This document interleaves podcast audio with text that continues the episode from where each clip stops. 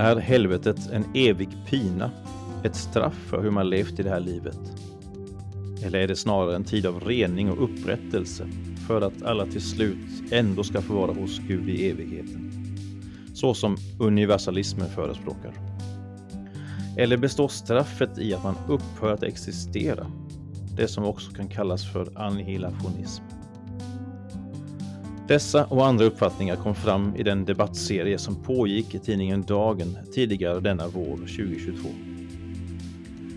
Det som inledde debatten var en krönika skriven av Stefan Svärd, statsvetare, bloggare, debattör och mycket annat.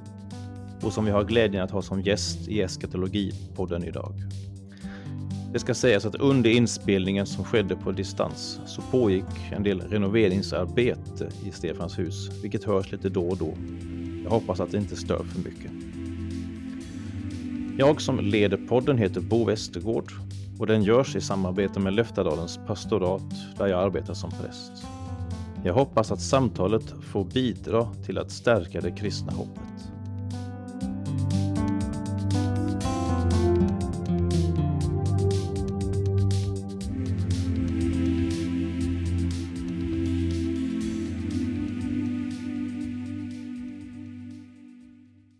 Välkommen Stefan!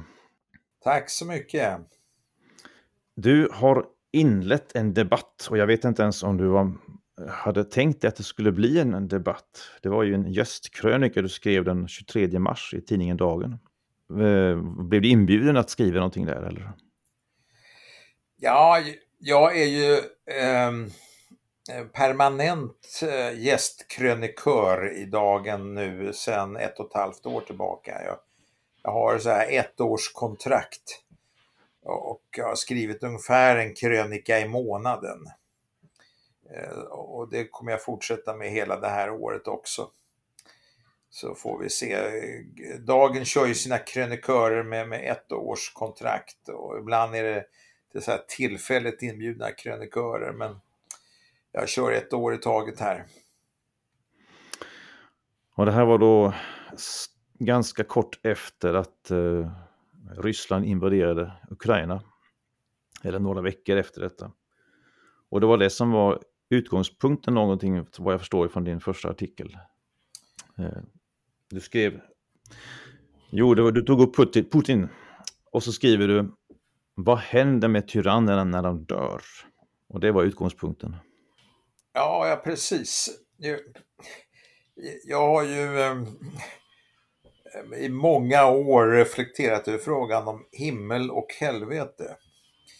Eh, det, det, har ju varit en viktig central del av Svenska kyrkans eh, förkunnelse under ett antal hundra år att, att, eh, man, man någonstans får välja mellan att komma till himlen eller helvetet när man dör. Och sen har ju den ska kyrkans förkunnelse mjukats upp en, en hel del på den där punkten. Eh, eh, förkunnelsen var väl lite enklare när alla var med i Svenska kyrkan och, och alla icke-kristna bodde väldigt långt bort eh, och man inte kände någon som inte var med i kyrkan nästan. Så att förutsättningarna har ju lite förändrats. Men när jag har reflekterat över den här frågan så, så, så så, så kommer man ju ändå in på att reflektera över ondskan och dess eh, konsekvenser. Och, och eh, en slutsats eh, jag har gjort det är att de värsta brotten och, och, värsta diktaturerna och tyrannerna, de, de döms aldrig. De får aldrig stå till svars för vad de har gjort. Eh, och, eh, och man tror att alla kommer till himlen när de dör, det innebär att man ska sitta där tillsammans med, med, med Stalin och Hitler och Putin och det, det, blir ju inte särskilt roligt. Nej, men det är, det är riktigt att eh, de allra värsta de blir ju inte dömda av mänskliga domstolar heller. Nej, de glider, glider ju undan. Eh, Hitler vet man ju fortfarande inte riktigt var han tog vägen. Han begick väl förmodligen självmord, men, men det vet man ju inte säkert. Och, och eh, Stalin är väl mer hjälteförklarad i Ryssland idag än vad han har varit på sen han dog. Eh, och Mao är ju fortfarande stor hjälte i Kina. Han räknas ju som en av eh, världshistoriens värsta massmördare. Man kan göra den här listan ganska lång på tyranner. Mm. Var du medveten om när du skrev den här artikeln att det skulle kunna leda till, leda till debatt? För det blev ju väldigt mycket debatt får man säga. Ja, det, dagen blev också lite tagna på sängen tror jag. Det här var ju bara en liten kommentar i min krönika om jag minns rätt. Alltså det, det, krönikan handlade ju, inte ens om det där. Om, om, eh, tro. Det var ju ett tag sedan jag skrev det så jag har inte exakta Ja, jag har inte tittat på texten, du kanske är mer uppdaterad än jag. Ja, precis. Det, det var ändå en, en, en, kommentar i en liten kort krönika och, och eh, Ja, du jämförde lite med olika varianter, till exempel Jonas Gardell och hans syn på universalism. Ja, just det. Ja. Jag hade lite resonemang där. Men framförallt handlar den om rättvisan. Ja, pre precis. Eh, och eh, vad, vad, man än tycker och vad man än har för teologisk utgångspunkt så är det svårt att glida undan tanken att från kristen tro att det finns ett liv bortom döden och eh, att vi alla på något sätt ska också möta Gud som domare. Eh, eh, och, och för mig är ju det en, en fantastisk rättvisetanke därför att även om många människor kan undvika mänskliga domar och mänskliga domstolar så kan man aldrig undvika Gud. Och rättvisa kommer en gång definitivt att skipas. Och Gud är ju då en absolut rättvis domare. Det kan ju ingen mänsklig domstol vara. Den har ju aldrig absolut kunskap. Men, men från en kristen tro så, så, är ju Gud allvetande och är den enda som kan vara en absolut rättvis domare. Mm. Mm, mm. mm. Jag jämför den här debatten som blev lite grann med vad som, hur var det för ett år sedan i dagen? Då var det Leif Karlsson som hade dragit igång en debatt om eh, un undervisningen om Kristi återkomst. Som också då blev en väldigt hett ämne som det debatterades. Och jag undrar lite grann, eh, vad tänker du, varför bränner det till när det kommer till de här ämnena? Ja, eh, jag, jag, noterade debatten där med Leif Karlsson, men jag tror jag läste det mera sporadiskt. Jag läste väl några av artiklarna, om jag minns rätt. Eh, men ja, men frågorna är ju heta. Alltså, vi, vi, vi är ju ett utmanande läge också för mänskligheten och, och alltså, vi har ju aldrig haft sådant välstånd eh, och livslängd i, världen eh, som vi har nu. Och vi har faktiskt eh, nästan aldrig, trots Ukraina-kriget då, så har vi nästan aldrig haft så fredligt som, som vi har det nu. Om man tittar över hela världen alltså, så, så är det ju ganska lugnt.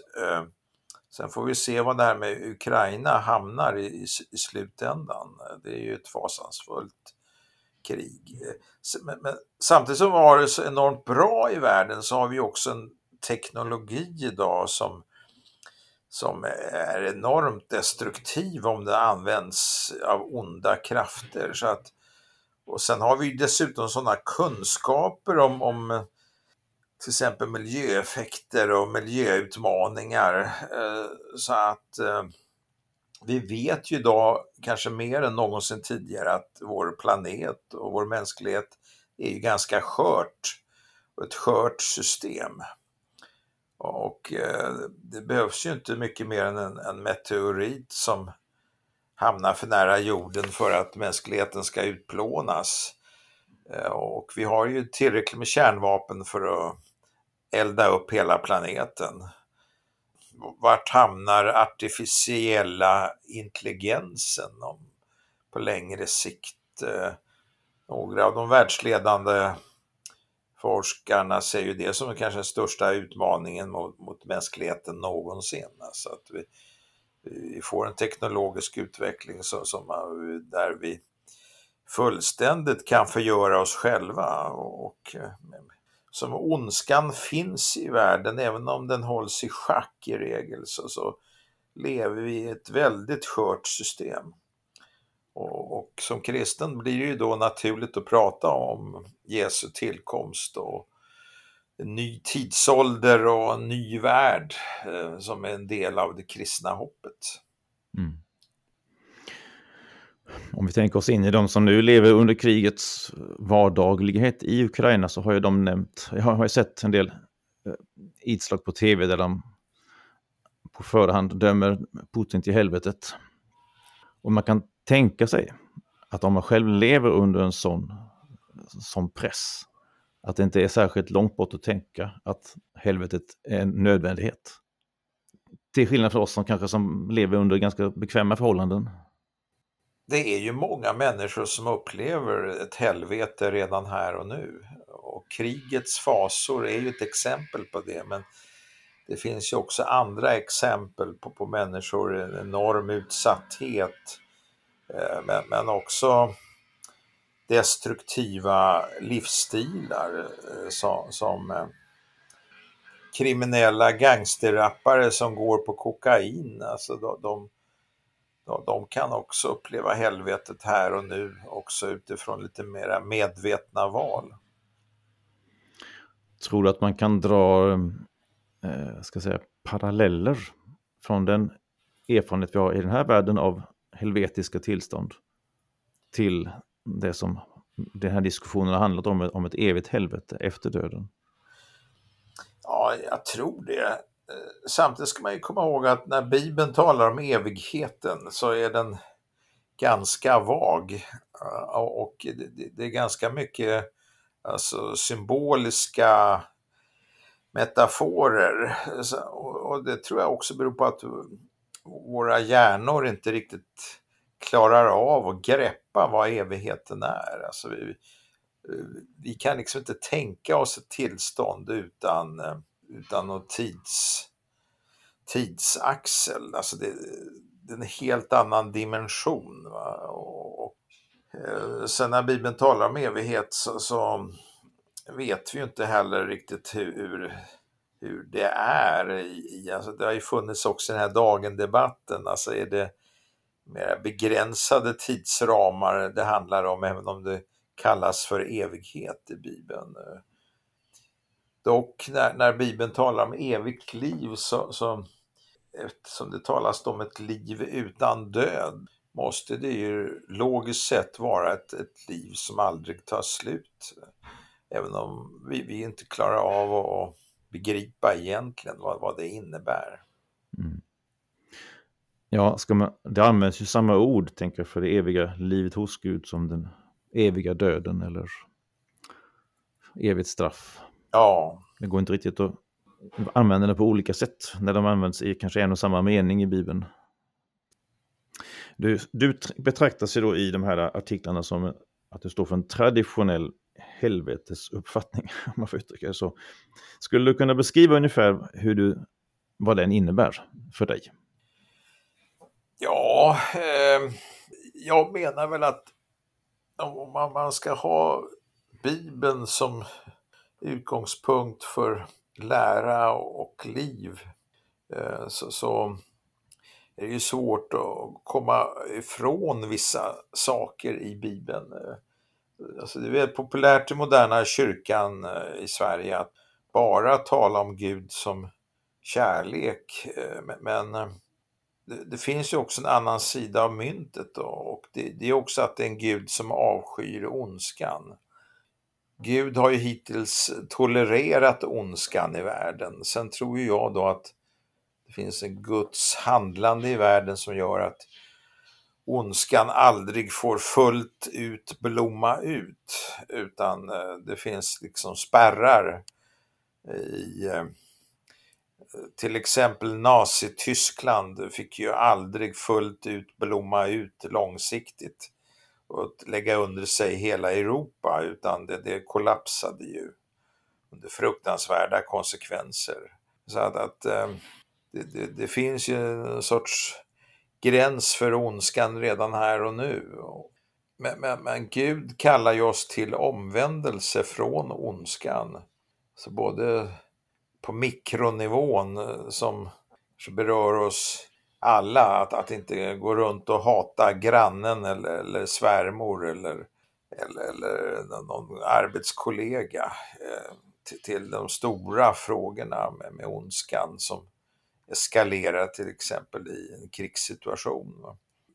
Men, men himmel och helvete för mig handlar ändå om att Gud har satt någon sorts gräns för ondskan eh, då den, den inte längre får fritt spelrum utan ska dömas och, eh, sättas inom lås och bom. Eh. Du använder ett uttryck i, i din artikel, det är ondskans slutdatum.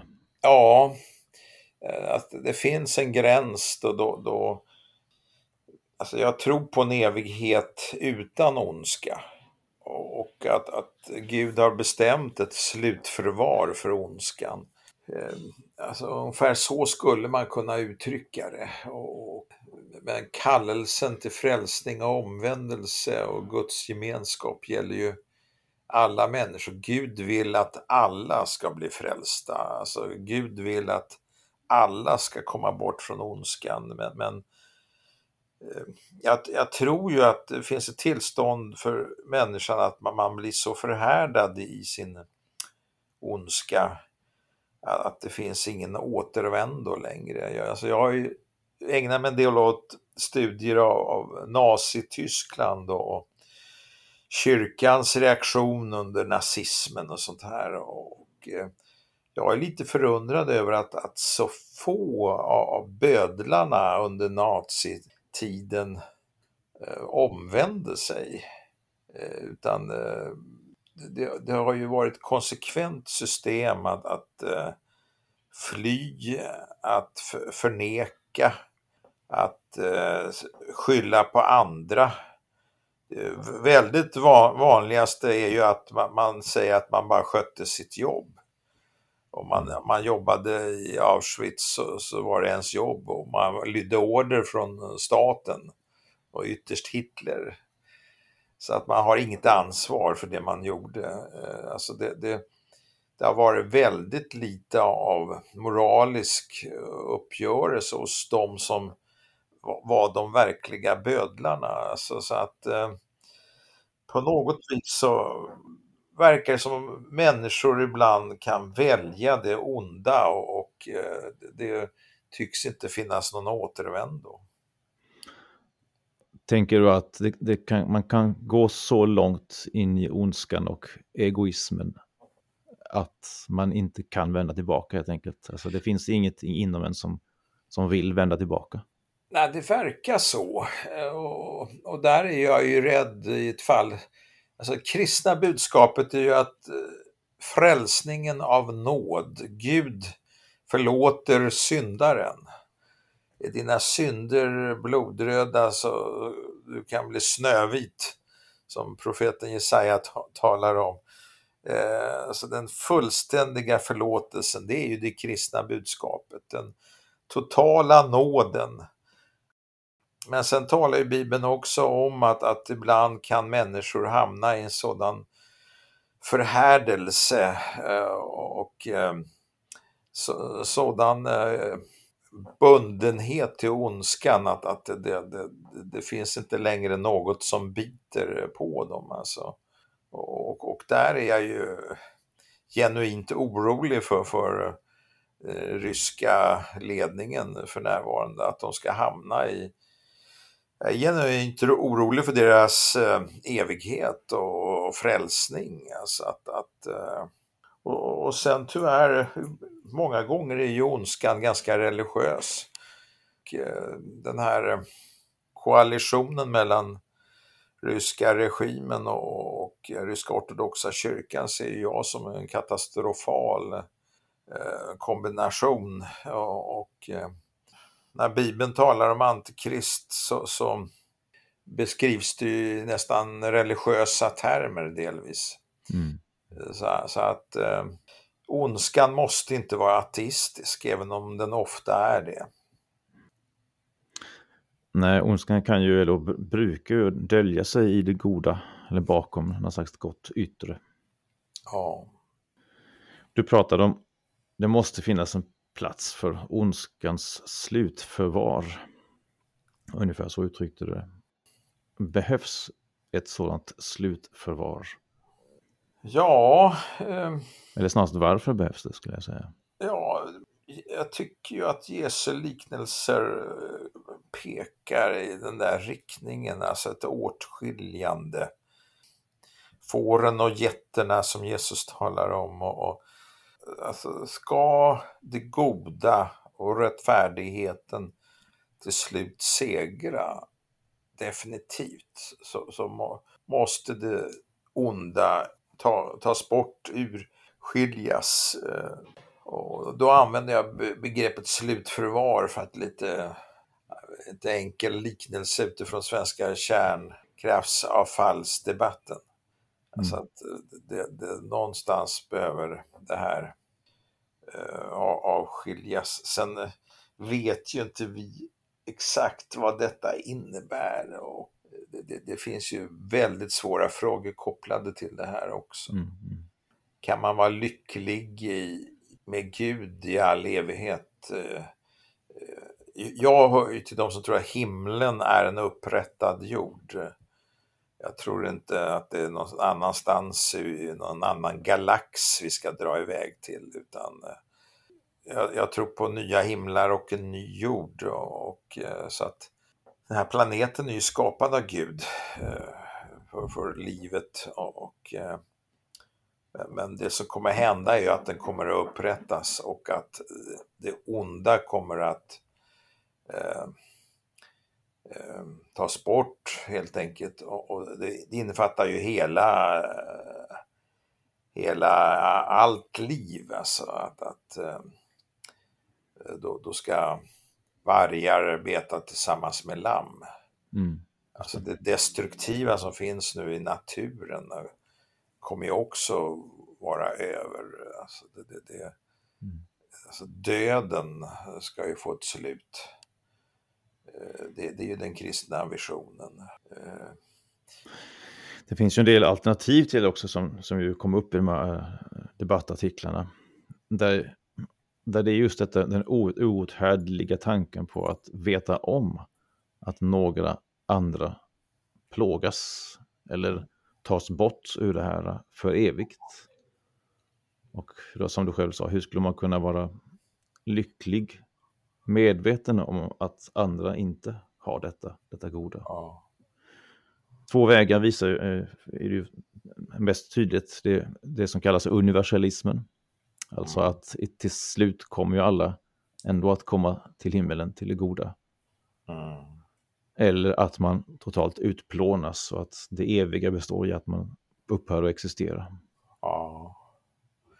Men om vi tar det senare, det här med att man, man, eh, man upphör att existera. Ja, det, det, och då, då, innebär ju evig död att, att konsekvensen är evig, men, men det betyder ju inte ett evigt medvetet tillstånd.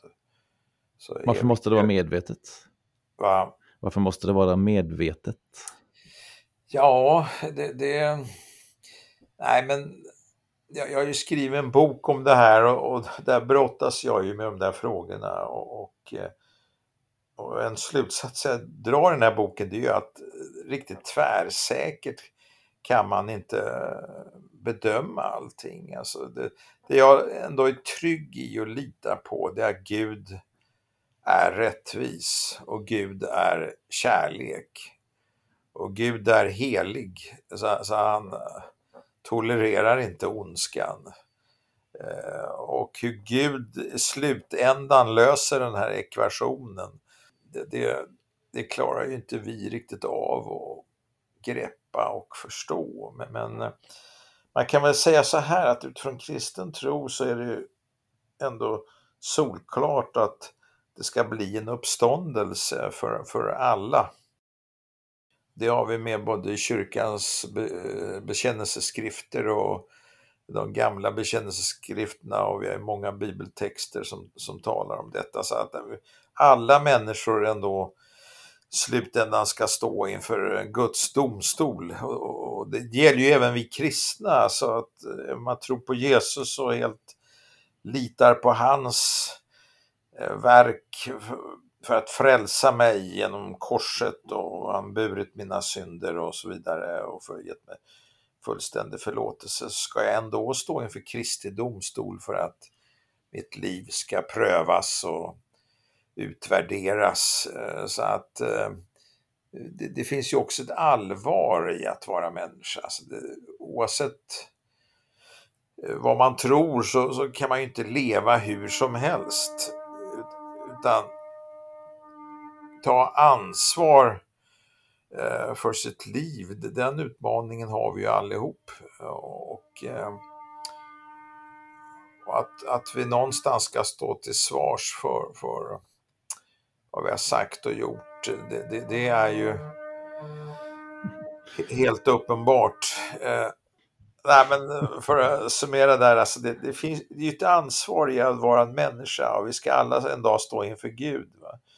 Och, och eh, om man tror på för att evigt straff innebär en förintelse. Det är funderingar jag har inför det. Alltså, jag, jag håller med om att vissa bibeltexter kan man tolka i den riktningen. Men problemet är ju att alla ateister tror ju detta.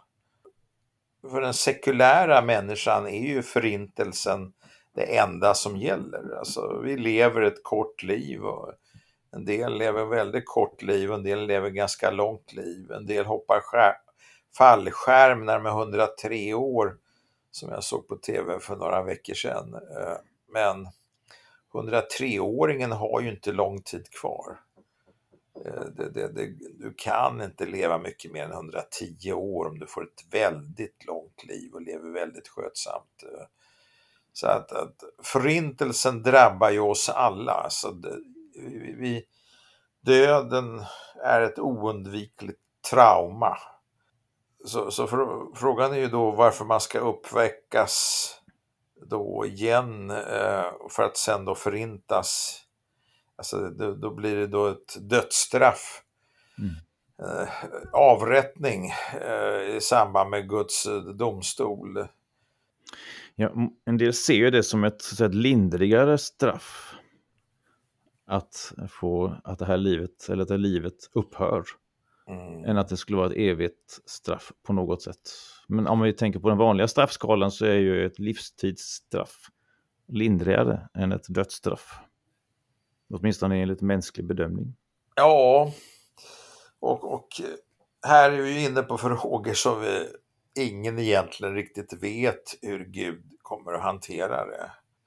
Alltså det, kristna hoppet är ju ändå att det finns ett liv bortom döden. Alltså den här eh, förintelsen vi alla går emot, att, att det, det är inte det som ytterst gäller.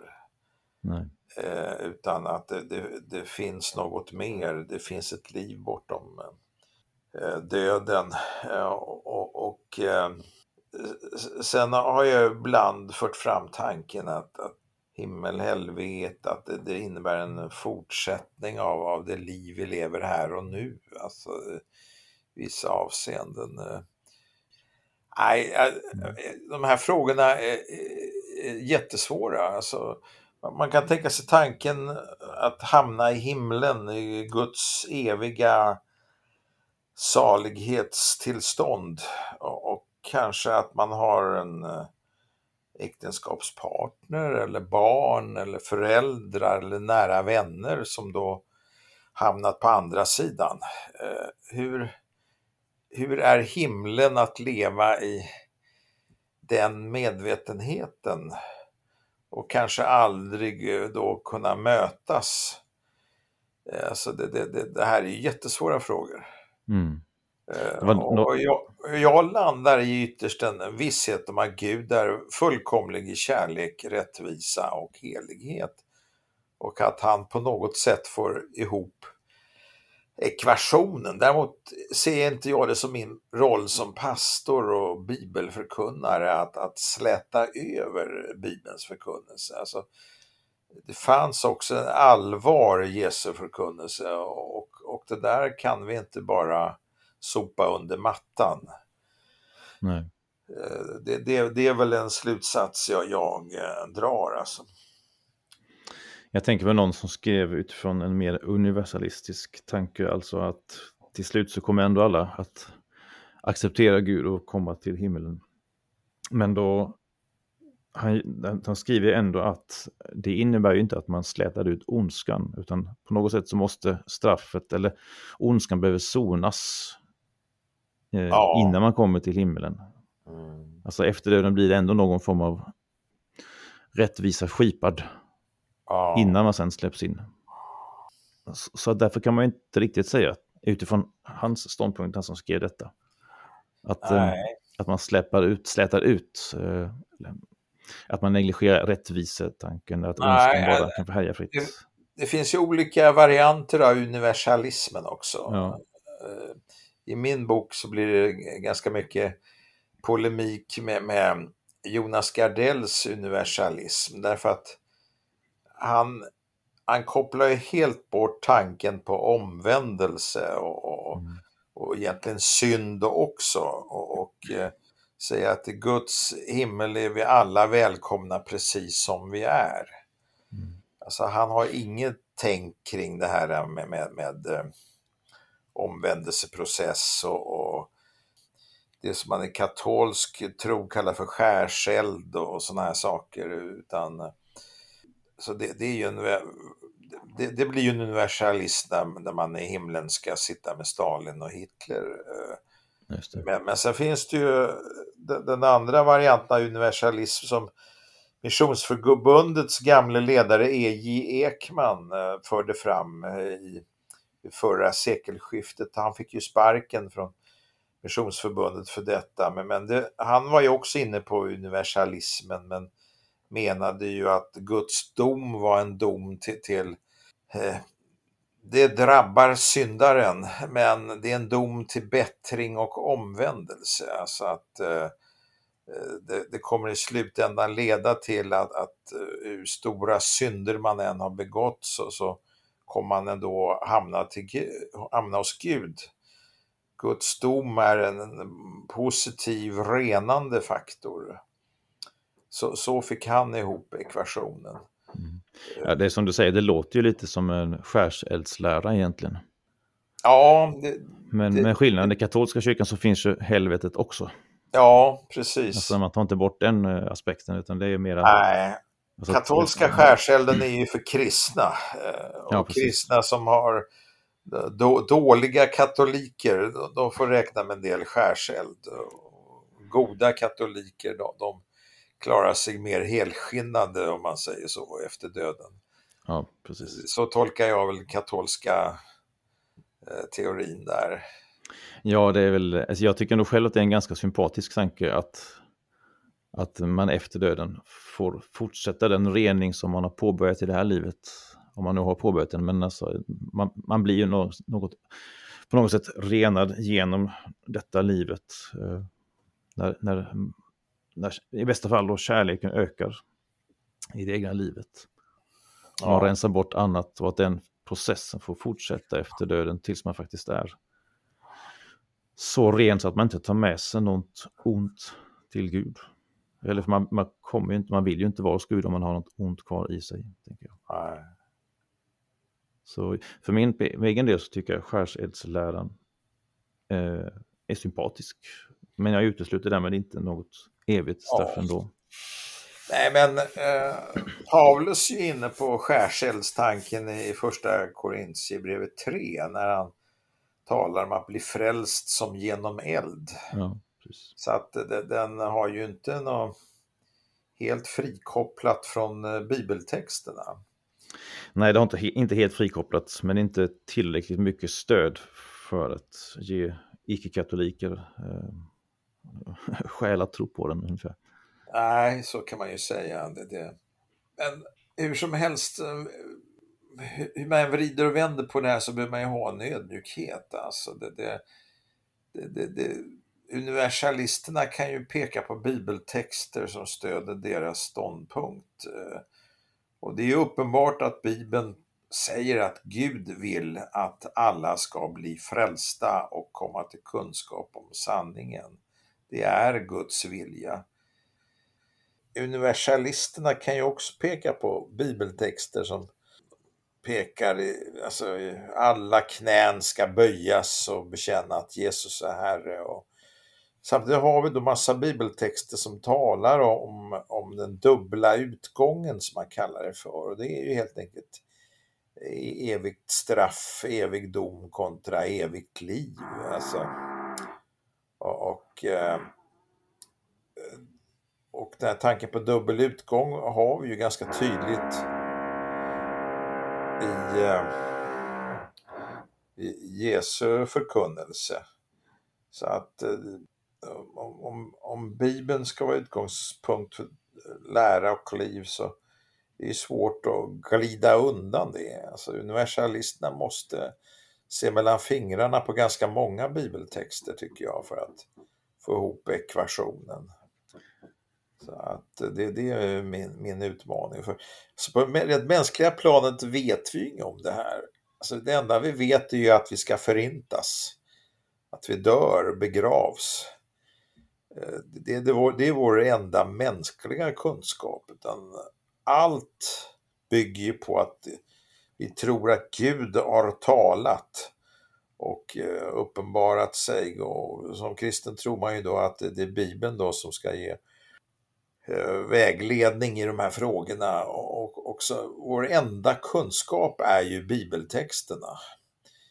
Och, och sen bör man ju också komma ihåg, vilket jag också betonade, betonat, jag skrev ju själv en slutartikel i den här dagen-debatten. Och, och där lyfte jag också fram det att, att alla religioner talar ju om ett liv bortom döden. Evighetshoppet finns ju hos hela mänskligheten och eh, helvetestron är ju ingen unik kristen tanke. Utan eh, läser man i Koranen så är ju helvetesskildringarna betydligt vassare och skildringarna Guds dom eh, över syndaren mycket vassare i Koranen än i Bibeln. Så, så kristendomen är ju ett, ett jämfört med andra religioner ganska mycket av ett kärleksbudskap, nådens eh, kär, kärleksbudskap. Så att, att ondskan leder till konsekvenser efter döden, det, det är ju en eh, allmän religiös tanke kan man ju också hävda. Mm. Så att den strikta universalismen, det, det är nog en ganska unik kristen idé egentligen eh, i vissa, vissa begränsade kristna kretsar. Mm. Men du skriver, och du sa också nyss här, att eh, källan till den kunskapen är Bibeln och ingenting annat. Men samtidigt så, som du konstaterar, så finns ju de här sakerna även i andra religioner och bygger väl någonstans på någonting annat än bara Bibeln. Alltså att, att vi har ett, ett hopp, exempelvis. Att, ja. att det finns någonting i oss som gör ja. att vi faktiskt, även Bibeln förutan, kan nå fram till den tanken ja. eller föreställningen i alla fall. Det, det är helt riktigt alltså att uh, det, det, människan har en, en oböjlig längtan efter ett liv bortom döden. Att inte bara se döden som slutdestinationen. Och eh, det här finns i människan även om man aldrig har läst Bibeln. Det är ju helt riktigt. Men jag menar den moderna vetenskapliga världsbilden, den kommer ju inte längre än att säga att vi alla förintas. Nej. Den har ju egentligen ingenting med, med att säga om, om det eskatologiska som man brukar kalla det för på teologiskt språk. Det enda är väl lite det här det man brukar kalla för nära döden-upplevelser. Alltså, och där har man väl även lite vetenskapligt tittat på det. Men, men jag är ärligt, jag har ju, känner ju flera personer som har upplevt sådana här nära döden-upplevelser jag själv har ju varit ganska dödssjuk några gånger i mitt liv och det går inte att kalla det för nära döden upplevelser men ändå en en stark upplevelse av Guds närvaro när man är väldigt svårt sjuk. Jag hade ju inte av den upplevelsen när jag låg i, i corona på Sankt Görans eh, sjukhus och knappt, inte kunde andas. Eh, hade man stängt av syrgasen hade jag avlidit. Mm. Så att, eh, och för, och för, mig var det en mäktig andlig upplevelse. Så att, jag kan märka en skillnad i hur du formulerar dig i din i skrift och en, en lite, där du är lite mer tydlig, lite mer, lite mer svartvit. Kanske det, men, men äh, klart när man sitter för ett samtal då blir det lite mera av, av resonemang. Alltså, mm. och, och, problemet att skriva i, skrift, speciellt om det är ganska korta texter att du, du eh, du, du måste väldigt mycket koncentrera eh, resonemangen. Eh, det blir inte så mycket utrymme för nyanser. Jag har ju dessutom skrivit en bok om det här som hette, kom ut 2011 som heter Efter detta. Och klart, man skriver en hel bok, då, då, då kan man ju utveckla resonemangen ganska mycket. Men, men min slutsats där det är att vi kan inte skala bort Jesu domsförkunnelse eller Jesu förkunnelse som dubbla utgången. Eh, men vi, vi, vi kan inte heller vara totalt tvärsäkra på hur detta slår. Vi kan liksom inte sitta och göra prognoser över var och varannan människa i hur vi än vrider och vänder på det vill Gud att alla ska bli frälsta och vill vara, jag tror Gud där är väldigt generös i att ge människor möjlighet till detta. Paradexempel är ju rövaren på korset som jag i min bok skrev att han halkade in, in i himlen i sista sekunden på ett bananskal. Mm. Eh, och, eh, men så stor är nåden, alltså att, att eh, kort samtal med Jesus i dödsögonblicket eh, räddade hans själ. Och då sa väl någon av de här dagdebattörerna, en av universalisterna, att det, det är en fruktansvärd orättvisa. Ska Putin eh, slippa undan allt om han ber en bön på sin dödsbädd? Jag tror ju, där tror jag på, på det jag nämnde en stund sedan, om förhärdelsen i ondskan. Att, att den här typen av personer eh, tror jag så har kört fast i, i detta att, att eh, de löper linan ut. Mm. Det var en av eh, debattörerna som uttryckte sig ungefär som vi har varit inne på lite grann också att eh, om man tänker sig att till exempel ens egna barn riskerar att hamna i, hamna utanför Guds rike, hamna i helvetet, då är det omoraliskt att sätta barn till världen. Jag, när jag läste det så tänkte jag kanske egentligen mest på att det är ju lite grann så som Gud har gjort själv. Att han har satt en väldig massa barn till världen, skapat en människan med risken att de faktiskt går förlorade, att de väljer bort honom. Ja. Så egentligen tyckte jag hans perspektiv var bra, men, men jag eh, applicerar det på hur Gud själv tänker där.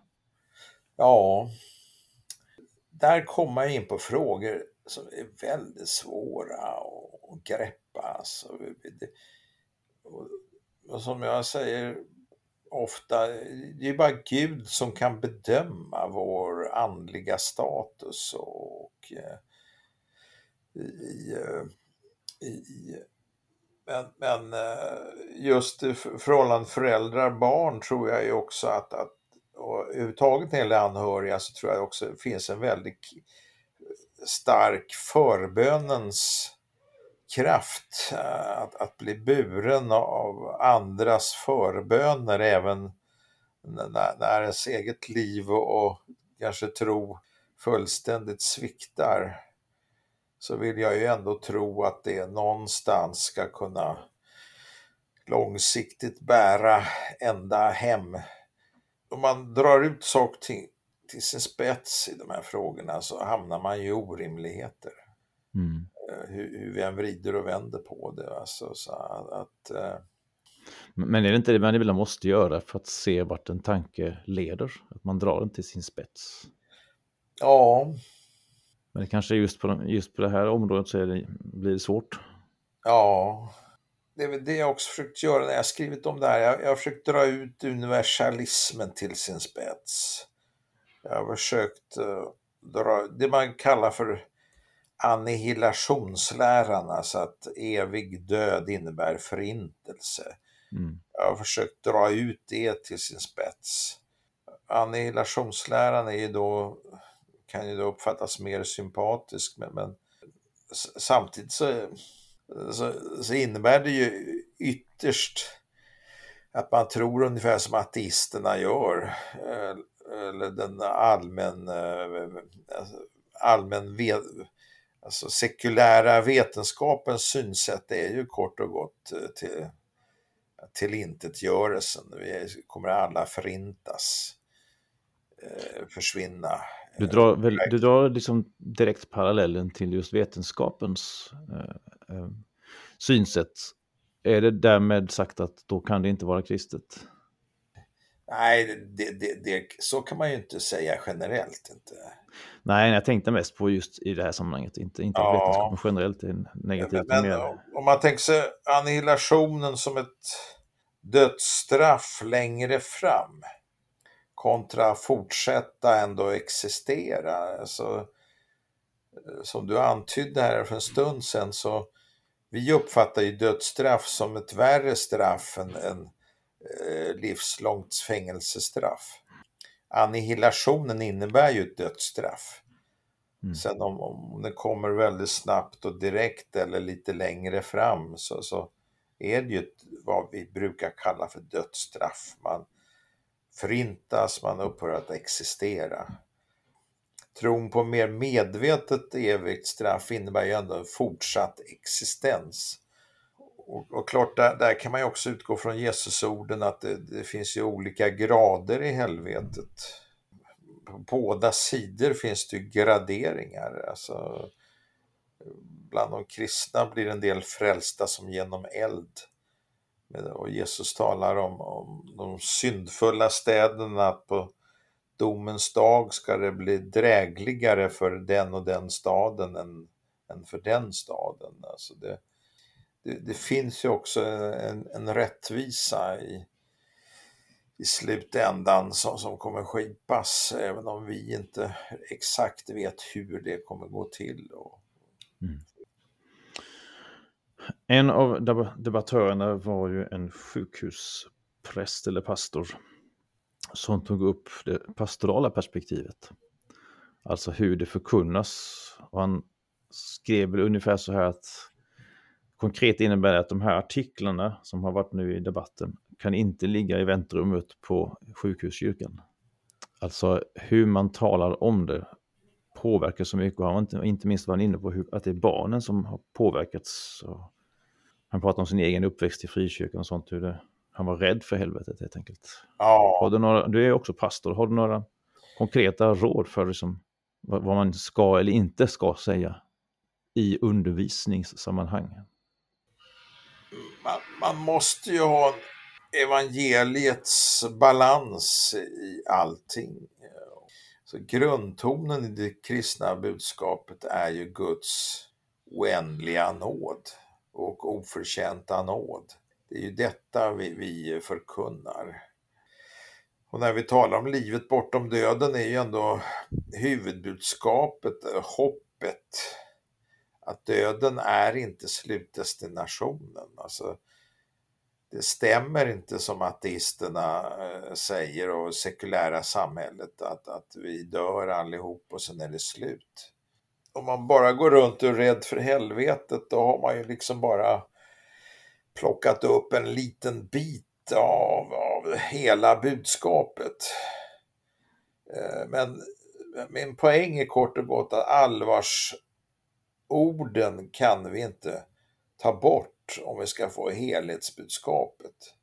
Så vi kan inte bara tala om, om den fantastiska framtiden och, och eviga livet och, och eh, den oändliga nåden och oförtjänta nåden.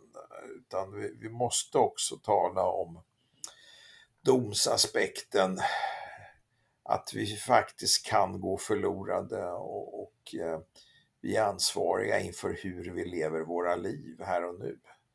Så vi måste ha en helhetssyn.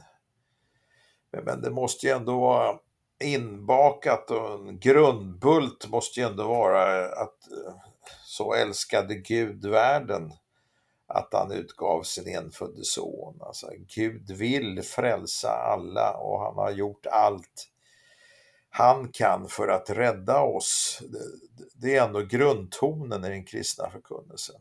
Sen är det ju det, en sån här debatt, den blir ju inte den täcker ju inte in hela kristna budskapet utan det, det blir ju en detalj i det som diskuteras.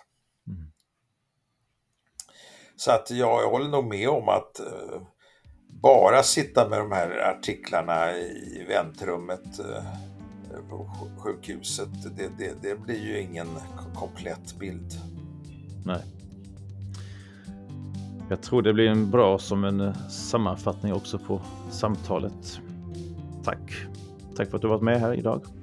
Ja, jag tackar så mycket. Glädjen var ömsesidig. Det var skojigt att prata om det här. Tack också ni som har lyssnat och välkomna åter.